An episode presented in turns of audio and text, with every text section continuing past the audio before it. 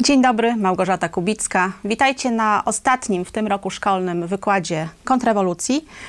Dzisiaj e, temat to będą mutacje, e, a szczególnie chciałabym Wam przybliżyć e, ewolucyjny punkt widzenia na mutacje. Wracając do początków, kiedy Darwin pisał swoją książkę o pochodzeniu gatunków, sam nazwał ją jednym długim argumentem na rzecz teorii pochodzenia od wspólnego przodka. Za twórczą siłę uważał naturalną selekcję, która działa w oparciu o y, modyfikację. Obecnie to, co on y, uważał za modyfikację, nazywamy mutacjami. Za czasów Darwina po prostu wiedza o budowie wewnątrzkomórkowej, czy tym bardziej o DNA, była po prostu żadna. Jeśli to powszechne pochodzenie od wspólnego przodka byłoby, jak twierdzą ewolucjoniści, faktem, no to znaczy, że musi istnieć jakiś mechanizm, który zdolny byłby do przekształcenia jednego rodzaju zwierzęcia czy jednego typu zwierzęcia w zupełnie inny. Jako źródło tych zmian, które produkowałyby nowe, które produkowałyby lepsze organizmy, zarówno darwiniści, jak i neodarwiniści podają mutacje. Czym zatem jest mutacja? Mm, zgodnie z definicją jest to po prostu zmiana w DNA. Oczywiście ona może mieć miejsce na różnym poziomie uorganizowania e, DNA. Może mieć na jednym z najwyższych poziomów, czyli to są zmiany takie mutacyjne dotyczące całych chromosomów, ale może też być e, na niskim poziomie uorganizowania, nawet do mutacji punktowych. Ale nie o rodzajach mutacji dzisiaj chciałabym opowiadać. Jakie zatem cechy Y, które by pasowały do teorii ewolucji, musiałaby mieć mutacja. No, musiałaby mieć dwie cechy przede wszystkim. Mianowicie pierwsza y, musiałaby być dziedziczna, czyli musiałaby dotyczyć y, komórek rozrodczych. No i po drugie, ta mutacja musiałaby produkować osobnika, który byłby zdolny do dotrwania przynajmniej do okresu reprodukcyjnego, no i byłby zdolny do rozrodu i wydania na świat potomstwa. Czyli przynajmniej te dwie cechy po mutacji osobnik taki powinien posiadać. Przeczytam Wam kilka wypowiedzi ewolucyjnych y, naukowców dotyczące mutacji. Paleontolog y, Stephen Stanley nazwał mutację materiałem wyjściowym ewolucji. Genetyk P.O. Koller mutacje są niezbędne do postępu ewolucyjnego. Y, I jeszcze jeden, Robert Jastrow konieczna jest potrzeba powolnego gromadzenia się mutacji korzystnych. Jak zatem w ogóle dochodzi do mutacji? Kiedyś mm, naukowcy myśleli, że mutacje są wynikiem y, praktycznie tylko podziałów komórkowych, rozmnażania się komórek. E, ale bardzo szybko, po doświadczeniach, po różnych eksperymentach naukowych, e, okazało się, że jest wiele czynników, które mają działanie mutagenne i to zupełnie zewnętrznych, takich jak na przykład różne rodzaje promieniowania czy różne rodzaje związków chemicznych. Jak często zatem mutacje się zdarzają? No i otóż po badaniach naukowych e, okazało się, że cała reprodukcja materiału genetycznego jest y, procesem niezwykle stabilnym. Y, tak naprawdę w porównaniu do ilości podziałów komórkowych, które zachodzą w naszym organizmie, y, ilość mutacji jest niezwykle rzadka, ale to tak naprawdę niezwykle rzadka. Na szczęście. Jest jeszcze jedno pytanie, całkiem dobre. Jak często dochodzi do tak zwanych korzystnych mutacji? No i tutaj naukowcy zaczęli się rozglądać po świecie, zaczęli prowadzić doświadczenia i badania. I część z tych badań chciałabym Wam, oraz o, oczywiście obserwacji w, na świecie, w realu, chciałabym Wam pokazać. E, poproszę pierwszy slajd. Mamy na nim e, zmutowaną owcę, to jest ta w środku z króciutkimi nóżkami. Dla farmerów e, taka owca może być korzystna. Na pewno będą musieli ją e, krócej gonić, żeby ją złapać do ostrzyżenia. Ale w naturalnym środowisku ta owca by nie przetrwała, byłaby pierwszą owcą, która by padła ofiarą drapieżnika. Poproszę kolejny slajd. Mamy tutaj zmutowanego psa, wyprodukowanego przez człowieka, chihuahua. Są osoby, które lubią takie pieski. Tym niemniej, y, jeśli chodzi o tego psa, y, geny tej odmiany są bardziej ograniczone. Doszło do utraty części informacji. Ta chihuahua w środowisku naturalnym najprawdopodobniej by sobie nie poradziła.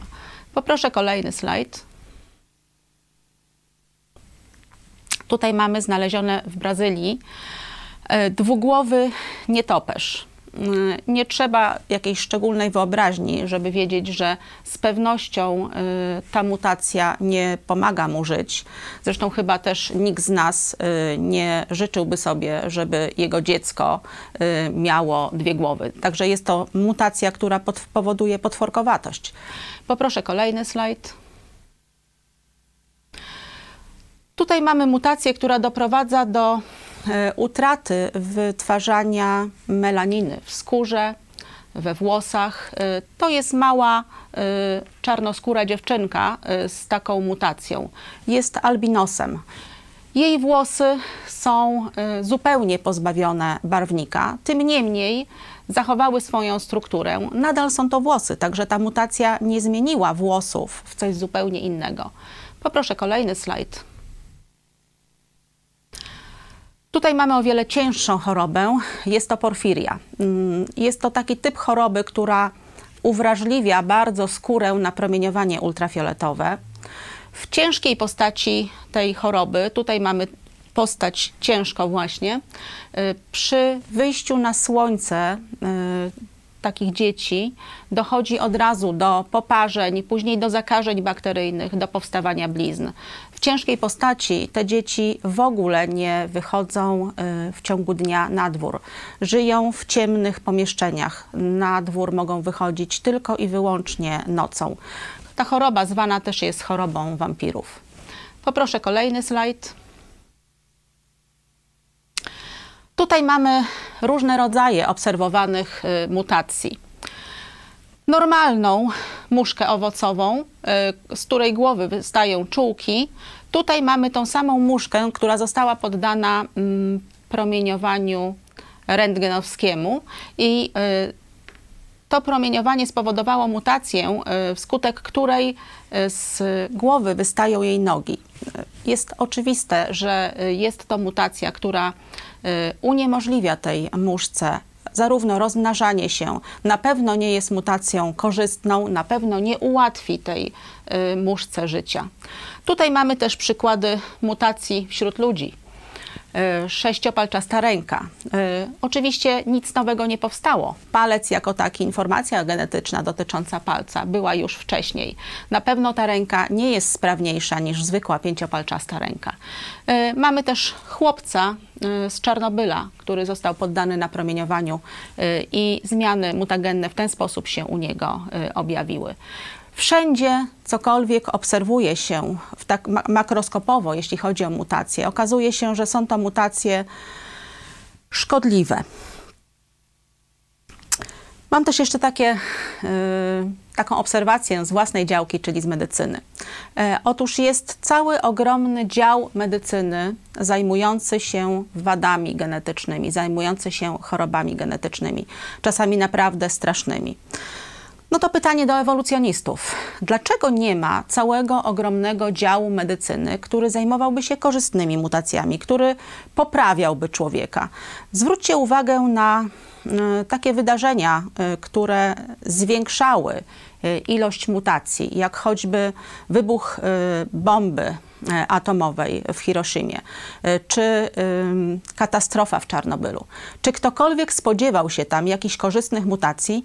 Czy wyobrażacie sobie, e, że naukowcy cieszyliby się, że doszło do wybuchu w Czarnobylu, bo jest to okazja do wspięcia się na wyższy szczebel drabiny ewolucyjnej? Tutaj jeszcze chciałabym szczególnie e, polecić film e, Czarnobyl. To jest e, serial z 2019 roku, pięcioodcinkowy. Naprawdę jeden z najlepszych filmów, jakie w ostatnich latach oglądałam. Jasno pokazujący, że zarówno zwykli ludzie, jak i politycy, naukowcy, fizycy atomowi, każdy z nich katastrofę to uznał za tragedię. Nikt nie spodziewał się jakichś dobrych rzeczy po promieniowaniu, które w końcu powoduje mutację. Jak w związku z tym ewolucjoniści mogą mówić, że mutacje korzystne mutacje zachodzą i że takie mutacje były przyczyną tych wszystkich zmian, zarówno w świecie roślin, jak i w świecie zwierząt, które powstały od początku świata. Jeśli chodzi o Czarnobyl, chciałabym jeszcze powiedzieć, że strefa wykluczenia w tej chwili, czyli strefa, na, której nie można y, przebywać, to jest 2600 km kwadratowych terenów Ukrainy i Białorusi. Od roku 1986 y, do dzisiaj nie wolno tam y, wracać. Setki tysięcy ludzi było napromieniowanych, więc naukowcy ewolucyjni mieliby doskonałe pole do badania y, potencjalnie korzystnych mutacji. Nic takiego nie było zaobserwowane. Wręcz przeciwnie, zanotowano ogromny wzrost zachorowań na raka, zwłaszcza na raka wśród dzieci. Jeśli chodzi o dane szacunkowe, uważa się, że 4 do 93 tysięcy y, ofiar śmiertelnych y, pochłonęła katastrofa w Czarnobylu. Y, oczywiście nie są to dane rządowe. Według danych rządowych Związku Radzieckiego oficjalna liczba to było 31 osób. Ale prawdą jest, że rząd radziecki nie robił żadnych e, oficjalnych badań dotyczących napromieniowania e, ludności. E, w żaden sposób nie interesował się losem dzieci, całych rodzin napromieniowanych w tej katastrofie. Tyle na temat obserwacji makroskopowych. E, teraz e, spróbujmy się zastanowić, e, co w tych takich badaniach doświadczalnych, badaniach laboratoryjnych wyszło. Na początku XX wieku wzrok naukowców, poproszę może jeszcze następny slajd. Tutaj chciałam Wam pokazać jedno ze zdjęć z Czarnobyla i poproszę kolejne.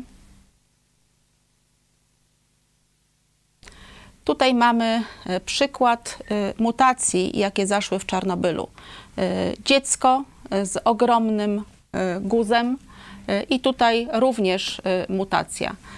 Nie wiem, jak naukowcy mogą mówić o korzystnych mutacjach, jak mogą w ogóle zgadzać się z teorią ewolucji, która coś takiego dopuszcza, czego tak naprawdę człowiek nie obserwuje nigdzie.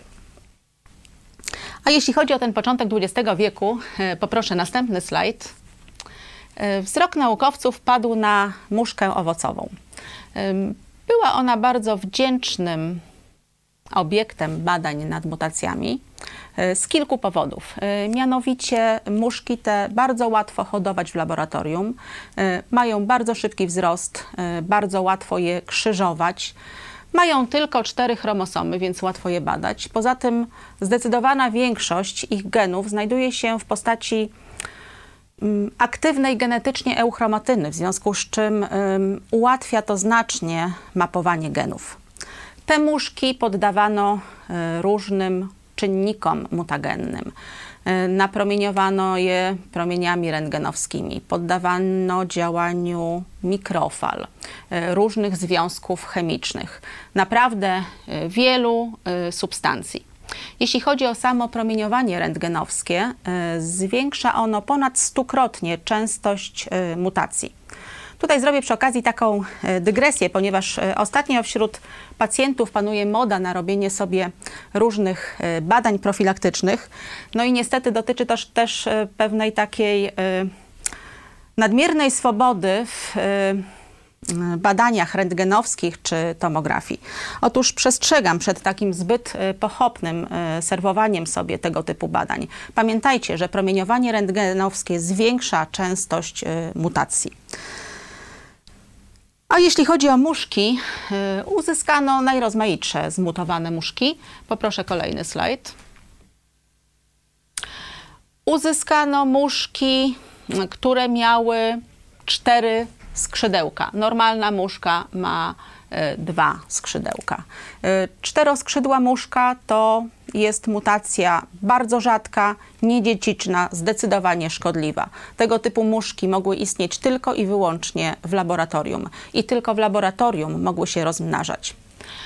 Uzyskano muszki e, z różnym rodzajem zawiniętych skrzydełek, czy zupełnie takich zredukowanych skrzydełek. Jasne jest, ta na pewno nie poleci, ale powiedzmy, że ta może jakoś będzie latać, ale nie ma kontroli ani nad własną równowagą przy tym locie. Na pewno też nie doleci tam, gdzie by ewentualnie chciała. Wiadomo, że w warunkach pozalaboratoryjnych ta muszka po prostu nie miałaby szansy na e, wydanie potomstwa, zdechłaby wcześniej. Były też muszki, y, które po mutacji utraciły y, skrzydełka.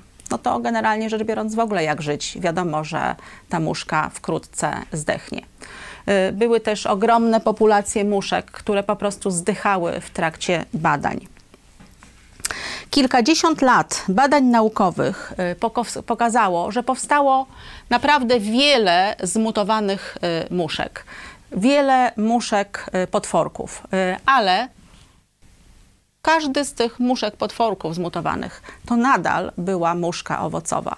Ponadto y, mutacje produkowały osobniki, które w każdym przypadku były słabsze i gorsze niż y, pierwotna muszka owocowa. Zatem na co wskazują wyniki prowadzonych od kilkudziesięciu lat badań naukowych dotyczących muszki owocowej? Tutaj zacytuję wypowiedź y, Teodozjusza Dobrzańskiego. Mutanty muszki owocowej, z którymi przeprowadzono tyle klasycznych badań genetycznych, są niemal bez wyjątku słabsze od dziko żyjących, jeśli chodzi o zdolność utrzymania się przy życiu, płodność czy długowieczność. Mutacje, które obserwowano w laboratorium, nie są dziedziczne. Y, mutacje te w żadnym przypadku nie są korzystne. W żadnym przypadku nie powodowały y, jakichkolwiek korzyści w dłuższym przeżyciu y, muszki. Muszki te również nie mogą się rozmnażać samodzielnie. Do ich rozmnażania dochodziło tylko i wyłącznie przy pomocy naukowców w laboratorium. Ponadto te kilkadziesiąt lat badań nad muszkami udowodniło, że ani razu nie powstał jakikolwiek organ, którego by wcześniej w przyrodzie y, nie było. Nie powstało też nic innego niż muszka owocowa. Jako ciekawostkę powiem Wam, że po szeregu pokoleń wśród zmutowanych muszek zaczęły się znowu pojawiać muszki y, normalne. Czyli gdyby pozostawić te muszki w ich naturalnym y, środowisku, to po prostu te słabsze, y, kalekie y, osobniki zostałyby wyeliminowane, po prostu by zdechły. Natomiast y, okazało się, że nasze DNA i DNA, generalnie mówię nasze nie w sensie ludzkie, tylko w sensie organizmów żywych, ma niesamowite zdolności samonaprawiania pewnych genetycznych uszkodzeń. W związku z czym w tym DNA są enzymy, które bezustannie pracują, naprawiając drobne genetyczne uszkodzenia. Czyli nasz y, kwas dezoksyrybonukleidowy jest tak y, zakodowany, tak zaprojektowany, żeby właśnie dbać o odrębność genetyczną organizmu y, i zapobiegać zmianom związanym z mutacjami. Po wieloletnich obserwacjach mutacji y, u muszek owocowych, jeden z profesorów, profesor Goldschmidt, y, wpadł w rozpacz i wypowiedział się tak. Zmiany były tak beznadziejnie nikłe, że gdyby nawet jeden okaz przeszedł tysiąc mutacji, to i tak nie powstałby nowy gatunek. Ten cytat profesora Goldschmidta cytuję za Normanem Macbethem, który umieścił go w swojej książce Darwin Retried y, z 1971 roku na stronie 33. A ewolucjonista Isaac Asimov y, powiedział: Mutacje niewątpliwie torują drogę ewolucji.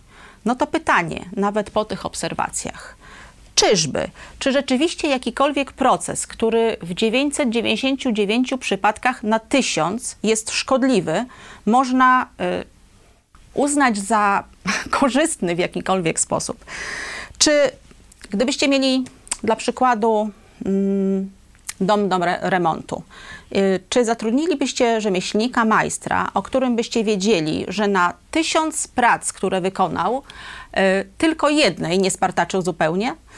Albo pytanie do ewolucjonistów. Jeśli uważacie, że wasz mózg y, powstał w wyniku takich gromadzenia się tych nieobserwowanych pozytywnych mutacji, to czy w takim razie możecie wierzyć w cokolwiek, co ten mózg wygenerował, przecież możliwe, że w nim się coś pokiełbasiło, możliwe, że doszło do jakichś zmian mutacyjnych. Macie na to 999 szans na 1000.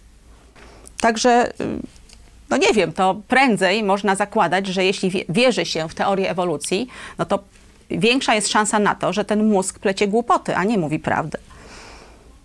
Może jeszcze inny przykład dla. E, dla tych, do których to mm, bardziej dotrze może jakiś przykład medyczny. Y, wyobraźcie sobie, że macie jakąś ciężką chorobę i musicie się y, oddać w ręce chirurga. Y, czy zdecydowalibyście się na to, żeby operował was chirurg, o którym wiecie, że na tysiąc wykonanych ruchów tylko jeden wykonuje akceptowalnie? Przecież to jest tak logiczne, y, że mutacje są szkodliwe, że przecież logiczne jest, że nikt by takiego chirurga y, nie wybrał na y, takiego, który będzie go operował.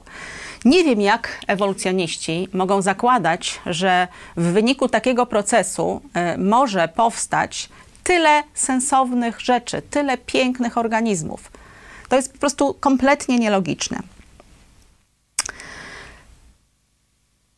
Ludzie, e, tacy innymi jak Ernst Mayr, twierdzą, że istnieją przytłaczające dowody na mm, poprawność teorii Darwina.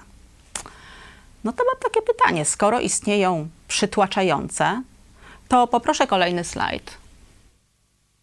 Dlaczego w podręcznikach i to podręcznikach szkolnych, podręcznikach akademickich, ciągle przytacza się te same stare, beznadziejne, nieprawidłowe, niekorzystne mutacje. Dlaczego, y, tak jak w y, tym podręczniku Biology, y, jest taki fragment. Normalne muchy owocówki mają dwa skrzydła. Prawda. Ten mutant ma cztery skrzydła. O tej czteroskrzydłowej mutacji Wam mówiłam, że jest niekorzystna, generalnie uniemożliwia przetrwanie tego stworzenia w naturalnym świecie. I jest napisane, to rzadka mutacja i jak większość mutacji jest szkodliwa. Po czym swobodnie dopisuje się dzieciakom coś takiego. Korzystne mutacje to surowiec dla doboru naturalnego. No to przepraszam, to dlaczego nie podano przykładu korzystnej mutacji, skoro tyle ich jest i ewolucjoniści takie znają? Tutaj jeszcze przyniosłam książkę, e, którą mam od Łukasza Supruna z Trójmiasta. Serdecznie go pozdrawiam. E, w tej książce również mamy przykład podanej rzekomej korzystnej e, mutacji. Ten przykład za chwileczkę Wam omówię, ale to jest aktualna książka do biologii dla liceum i dalej tego typu głupoty w nich się znajdują. Jak wypowiedział się Ledyard Stebbins w Processes of Organic Evolution na stronie 24, po większej lub mniejszej liczbie pokoleń y, mutanty były eliminowane. Przecież tak naprawdę naukowcy mają setki tysięcy dowodów, że mutacje są szkodliwe. Korzystne mutacje strukturalne w rzeczywistości nie istnieją. Muszka owocowa, która jest y, przedstawiana jako surowiec ewolucji, tak naprawdę te wszystkie mutanty, które uzyskano, to były bezradne, y, beznadziejne kaleki. No i chciałam, jak mówię, opowiedzieć troszeczkę na temat y, tego przykładu, który cały czas podaje się w polskich podręcznikach dzieciakom.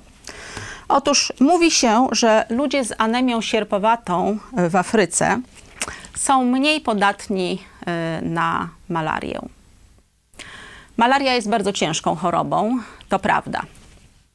Jaki w związku z tym y, jej związek y, z anemią sierpowatą? My nie mamy tak naprawdę w Europie kontaktu z tą chorobą. Choroba zwana anemią sierpowato-krwinkową występuje w Afryce Środkowej, w Afryce Zachodniej występuje generalnie wśród murzynów i w mniejszej ilości wśród mulatów i jest bardzo ciężką chorobą. My, jak słyszymy o anemii, to nam się może to kojarzyć z tą naszą e, występującą w Europie, na przykład e, anemią niedoborową, czyli anemią z powodu niedoboru żelaza. Czyli wyobrażamy sobie, że to jest choroba, która polega na bladości skóry, osłabieniu, tego typu objawach, które przy uzupełnieniu żelaza można po prostu się z tego wyleczyć. Absolutnie, jeśli chodzi o anemię sierpowato-krwinkową, nic podobnego, bo gdyby to rzeczywiście było coś takiego, no to zdecydowanie lepiej chorować na anemię niż na malarię.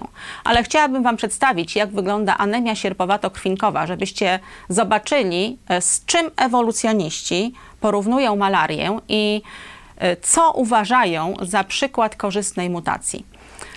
Jak już mówiłam, anemia sierpowato-krwinkowa jest e, chorobą dziedziczną, chorobą ciężką, Y, polega ona na mutacji punktowej w jednym z łańcuchów hemoglobiny, y, mianowicie dochodzi tam do powstania w tym łańcuchu y, zamiast aminokwasu glutaminy powstaje aminokwas walina. Jak to się przekłada na widok krwinki? Poproszę kolejny slajd. Otóż normalna krwinka ma taki ładny, dyskowaty kształt. Krwinka zmutowana z tym genem anemii sierpowato-krwinkowej robi się taka y, sierpowata. Y, te krwinki mają tendencję do zlepiania się, do tworzenia zatorów y, i zakrzepów. Poproszę kolejny slajd. Choroba występuje y, pełnoobjawowo wtedy, kiedy mamy y, dwie pary genów, czyli jesteśmy homozygotą. Mamy jeden gen zły zmutowany od ojca i jeden zmutowany od matki. Wtedy dochodzi do pełnoobjawowej y, anemii sierpowato-krwinkowej. To jest właśnie homozygota, która na pewno zachoruje na anemię sierpowatą krwinkową. Część osób jest heterozygotami, czyli mają jeden gen chory, powiedzmy od któregoś z rodziców, a drugi gen zdrowy. Tego typu osoby nie chorują, nie występują objawy tej choroby, natomiast są nosicielami. Czyli jeśli tego typu mężczyzna na przykład yy, ożeni się z kobietą, a objawów tej choroby nie ma, więc nie będzie wiedział, która również posiada ten gen, jest bardzo duże prawdopodobieństwo, że któreś z jego dzieci będzie miało tą ciężką chorobę. Poproszę kolejny slajd. Teraz Wam powiem troszeczkę o y, objawach tej choroby. Co powoduje y, zlepianie się tych sierpowatych krwinek? Mianowicie jest to choroba bardzo bolesna. Te mikrozatory, mikrozakrzepy często pojawiają się w naczyniach włosowatych, więc bardzo często dochodzi do obrzęku rączek, do obrzęku nóżek. Bardzo często też występują silne bóle brzucha, bo tam dochodzi do mikrozatorów i zakrzepów. Poza obrzękami za jakiś czas powstają y, nadkażenia bakteryjne, powstają zawały różnych narządów, y, powstają martwice narządów, martwice stawów, martwice kości, martwice narządów wewnętrznych. Y, może też dochodzić do śmierci. Jest to choroba, w której w takim okresie kryzysowym człowiek po prostu wije się z bólu. To jest bardzo ciężka choroba. Poproszę kolejny slajd. Tak wygląda rączka dziecka chorego na anemię sierpowatą-krwinkową. Poproszę kolejny. Tu mamy nóżkę. Poproszę jeszcze kolejny. I tutaj u starszych osób to są takie twarde guzy dotyczące stóp, dotyczące rąk. Jak już mówiłam, ta choroba jest y, bardzo bolesną chorobą, bardzo niebezpieczną chorobą. Y, jeśli chodzi o homozygoty, y, żyją one średnio do 45 roku życia. Co dziesiąta osoba umiera przed 20 rokiem życia. Oczywiście medycyna stara się pomóc tego typu osobom. Robi się im transfuzję. Poproszę następny slajd. Poza transfuzjami krwi są przeszczepy szpiku. Próbuje się usuwać części martwiczych tkanek, części martwiczych narządów.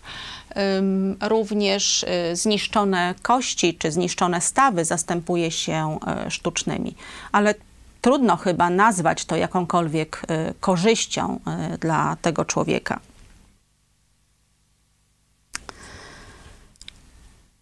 Osoby, które mają e, tylko jedną kopię e, tego wadliwego genu, czyli są nosicielami, są heterozygotami, nie mają objawów choroby, ale w momencie, kiedy zostaną zarażone mm, zarodźcem malarii, e, wnikanie do komórki zarodźca powoduje zmianę ich krwinek z dyskowatych na sierpowate. Te krwinki są rozpoznawane przez śledzionę jako patologiczne, w związku z tym są częściej niszczone, dochodzi e, do anemii. Oczywiście do takiej samej anemii dochodzi u homozygotu, u nich tak samo przerasta śledziona, przerasta wątroba, to wszystko się dzieje, ale u nich e, objawy są te cięższe na tyle gwałtowne, że nawet zapomniałam dodać, że dochodzi do czegoś takiego jak powiększenie śledziony, czy wątroby, czy żółtaczka. Więc jeśli chodzi o te heterozygoty, yy, naukowcy ewolucjoniści uważają, że w związku z tym, że te krwinki sierpowate, które są szybciej niszczone przez śledzionę, w związku z czym również szybciej niszczony jest e, obecny w nich zarodziec malarii, że to jest właśnie e, ta korzyść. Ale pytanie, Jaka to jest korzyść? Jaka korzyść jest w chorobie zwanej anemią sierpowato-krwinkową? Jaka korzyść nawet dla osób, które są heterozygotyczne? Przecież tak naprawdę w każdej chwili, jeśli będą mieli rodzinę, w każdej chwili któreś z ich dziecko może po prostu umierać na taką chorobę.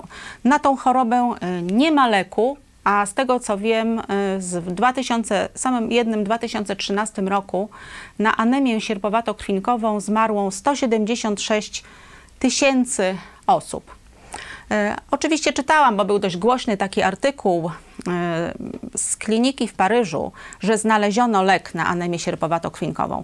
Opowiem Wam, jak to wyglądało. Mianowicie chłopiec chory na anemię sierpowato-krwinkową dostał ogromne, potężne dawki środków immunosupresyjnych. Te środki, te leki, które mają bardzo wyraźne skutki uboczne, zupełnie zniszczyły jego własny szpik kostny. Zniszczyły go do zera i następnie wprowadzono y, komórki, które były sztucznie zmutowane w ten sposób, że zostały pozbawione tego złego genu. Ale sami profesorowie z kliniki w Paryżu wypowiadali się, że nie mają pojęcia, jak długo będzie trwał ten okres remisji w tej chorobie. Y, cieszyliby się, gdyby to było kilka lat. Nie wiem, dlaczego redaktor y, tego artykułu y, był aż takim optymistą, że nazwał, że tytuł tego artykułu brzmiał Znaleziono lek na anemię sierpowato-krwinkową. Jako ciekawostkę powiem Wam jeszcze, że kiedy odkryto grób Tutenchamona, e, Oczywiście wydobyto jego mumię i robiono e, różne badania naukowe. Między innymi prześwietlono e, tą mumię promieniami rentgenowskimi, ale również robiono niektóre badania genetyczne, analizy genetyczne. I otóż okazało się, że znaleziono tam geny zarodźca malarii, a ponadto w rentgenie wyszło, że Tutenchamon miał miejsca martwicy kości. W związku z czym naukowcy dowiedzieli się, że Tutenhamon y, chorował na anemię sierpowato-krwinkową. Wiadomo, że zmarł w wieku 20 lat. Y, oczywiście nie wiem, czy zmarł na anemię sierpowato-krwinkową. Y, nie jestem pewna, czy był faraonem, czy tylko synem faraona. Y, tym niemniej y, na dworze faraona mógł umrzeć z różnych powodów, na jakąkolwiek inną chorobę, mógł też zostać zabity czy otruty. Natomiast y, mamy taką informację, że ten człowiek kiedyś, kiedyś również chorował na anemię sierpowato-krwinkową. Co jeszcze w odkryciach naukowców dotyczących mutacji jest znaczącego? No, są badania na temat tych muszek owocowych. Pokazałam Wam, jak to wygląda makroskopowo. E, opowiedziałam Wam o, o tej chorobie, którą e, nie wiem z jakiego powodu ewolucjoniści uważają za korzystną mutację. E, oczywiście to nie były jedyne badania. Mnóstwo badań przeprowadzano na bakteriach. Bakterie chyba są jeszcze bardziej niż muszki owocowe wdzięczne do tego typu badań.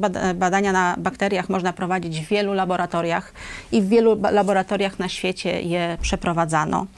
Y, też naukowcy potrafili wywołać różnego rodzaju y, mutacje w DNA tych bakterii. Naprawdę badań jest cała masa i nawet nie ma potrzeby ich tutaj przytaczać. Powiem Wam tylko ogólny wniosek. Otóż 150 lat istnienia y, bakteriologii i nie zauważono, by podczas tych badań jakakolwiek bakteria zmieniła się nie tylko w coś innego, ale nawet w inny rodzaj bakterii. Tego nigdy na całym świecie, w żadnym laboratorium przez te 150 lat nie zaobserwowano. Nie zauważono również ani jednego sensownego przykładu dobrej strukturalnej mutacji. Duże i korzystne mutacje to jest coś, co w ogóle nie zachodzi. Tutaj chciałam jeszcze przeczytać Wam informacje z Encyklopedia Britannica. Mutacje przypuszczalnie korzystne są tysiące razy rzadsze niż y, niekorzystne. Dlatego setki chorób uwarunkowanych genetycznie przypisuje się mutacjom. Choroby nie są przecież korzystne. Prawdę mówiąc, mutanty przedstawiane w podręcznikach biologii to zbiór zniekształceń i potworkowatości. Sama zaś mutacja zdaje się być procesem destruktywnym, a nie konstruktywnym. Poproszę jeszcze ostatni slajd wykładu. Cóż, mutacje są pod każdym względem y, beznadziejne. Naukowcy przez dziesiątki lat mieli tego typu oczekiwania, ale tak naprawdę y, logiczne, racjonalne wnioski, jeśli chodzi o mutacje, raczej skłaniają ich do y, tego obrazu.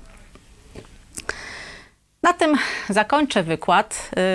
Ponieważ był to ostatni wykład tego roku szkolnego, życzę Wam naprawdę świetnych wakacji, dużo odpoczynku i też dużo czasu na różne kreatywne pomysły, których być może nie mieliście czasu realizować, e, będąc w pracy czy będąc w szkole. A przy okazji może taki e, challenge wakacyjny dla ewolucjonistów. Jeśli znajdziecie jakikolwiek przykład korzystnej mutacji strukturalnej albo dużej mutacji korzystnej, naprawdę nie wahajcie się, śmiało piszcie pod tym wykładem. Chętnie o nich e, poczytam. E, może nawet jeszcze przy okazji e, zwracam się do profesora Rychwałda, pseudonim Ewolucja to fakt. Profesorze, może profesor znajdzie jakiś przykład korzystnej mutacji. Czekam całe wakacje dla profesora. A ja się z Wami już pożegnam. Do zobaczenia, do usłyszenia.